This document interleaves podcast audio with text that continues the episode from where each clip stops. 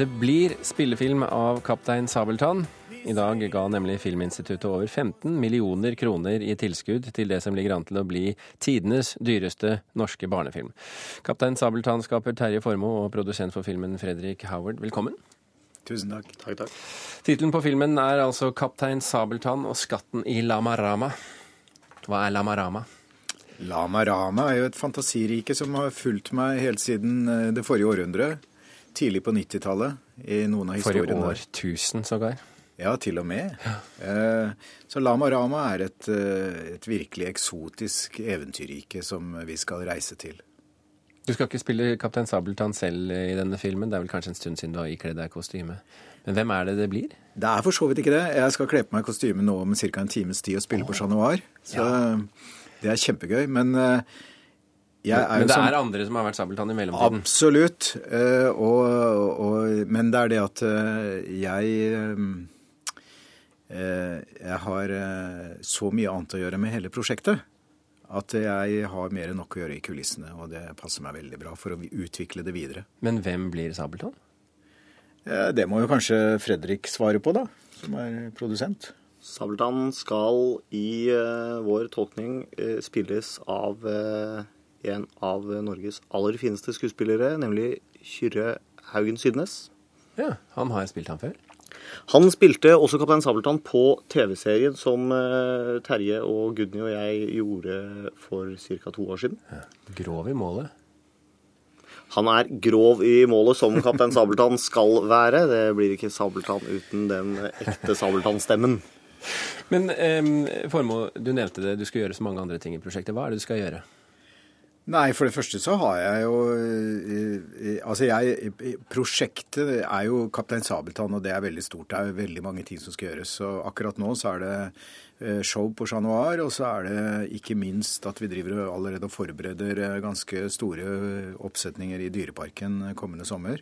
Så alt det der. Men i forbindelse med filmen så så er det jo på en måte at vi har tatt utgangspunkt i en av mine historier, og jeg må passe på at eh, historien blir sånn at han passer inn i det sabeltanske universet.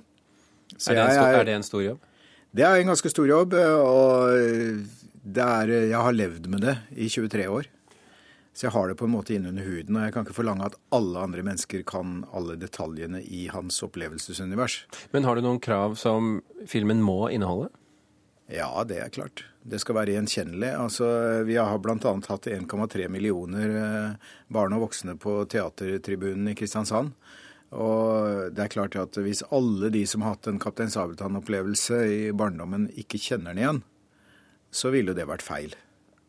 Men samtidig så må jeg også bare føye til at eh, når vi nå tar først steget fra teater over til eh, TV, og så over til film, så er det klart at det vi prøver å få til, er jo et enda større uttrykk, et storslått uttrykk og en historie som rører hjertene, og som er full av fantasi.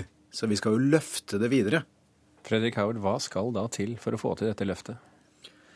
Det er mye som skal til for å få til et løft fra eh, scene og opp til film. Det er eh, to forskjellige formater hvor det er eh, litt andre spilleregler. En av de viktigste tingene vi jobber med, er jo det å greie å beholde det som er hjertet av Kaptein Sabeltann-universet. Greie å beholde hele den skapelsen som Terje har, har gjort. Samtidig som vi bruker filmatiske virkemidler for å sørge for en visuell storslått reise. Samtidig som vi på kino har en helt annen mulighet til å gå tett på karakter. Virkelig vise dynamiske, levende mennesker mye nærere. Og håpet vårt er jo å kombinere dette enorme universet Terje har skapt, med filmens emosjonelle evne og evne til å berøre og begeistre. Men er Kaptein Sabeltann eh, emosjonell interessant? Det er klart at eh, fra mitt perspektiv i hvert fall, så er jo en mann som eh, ene og alene tørster etter gull, og tyranniserer en landsby med både eh, voksne og barn, utrolig fascinerende. Og som dramatisk karakter så føler jeg at det er masse uutnyttet potensial som vi nå virkelig får glede av. Får vi se noen svake sider? Det får du vente og se. Vi får i hvert fall se mye fascinerende fra Kaptein Sabeltann. Svake sider fins, men han ville aldri innrømme det, så sånn sett så er han et psykologisk fenomen. Ja, ikke sant. En fortrengningens mester. Da vi snakket med deg tidligere i dag, eh, Fredrik, så sa du at Star Wars, Pirates of the Caribbean og Kon-Tiki er blant dine filmatiske forbilder. Dette høres hva skal vi si, veldig dyrt ut. Ja. Det er dyrt, og det er klart at budsjettmessig så er jo ikke vi i nærheten av eh, dette og disse filmene. Eh, Vi eh, gjorde jo gjennom Storm Studios mye av etterarbeidet og visuelle effekter på Kon-Tiki. Fikk jo der en stor forståelse for dette med å jobbe med digitalt vann. eh, Hvordan vi virkelig kan eh, skape en eh, fascinerende verden. Jeg mener at det er likhetstrekk å hente fra, fra Star Wars-filmene i det at eh, man virkelig går inn og lager altså en episk fortelling om en ung guds møte med verdens motsetninger og verdens ondskap. Og eh, på samme måte som vi følger Luke Skywalker, så er absolutt min ambisjon at eh, norske barn virkelig skal bli med Pinky ut på sitt livs reise, hvor han virkelig skal vokse som menneske. Og eh, forstå mer både av sitt eget opphav, men ikke minst av sitt eget jeg.